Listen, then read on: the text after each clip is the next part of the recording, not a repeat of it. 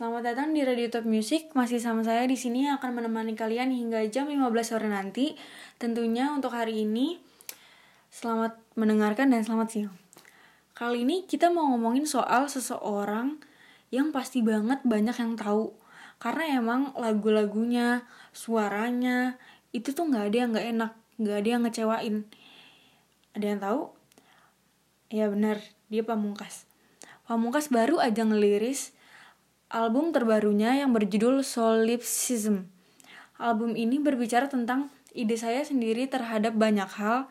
Saya ingin mengeluarkan satu set lagu yang dapat berarti buat siapa pun. Karena kita hidup di zaman modern dengan media sosial internet, tiap orang memiliki sudut pandang pribadi masing-masing. Solipsism adalah milikku, kata Pamungkas. Album ini uh, ada, ada 11 lagu dan semua lagu ini katanya ditulis berdasarkan pengalaman pribadinya Pamungkas sendiri. Wah pasti kalian udah gak sabar kan buat dengerin lagunya. Yuk langsung aja kita dengerin Pamungkas. Can you call your name?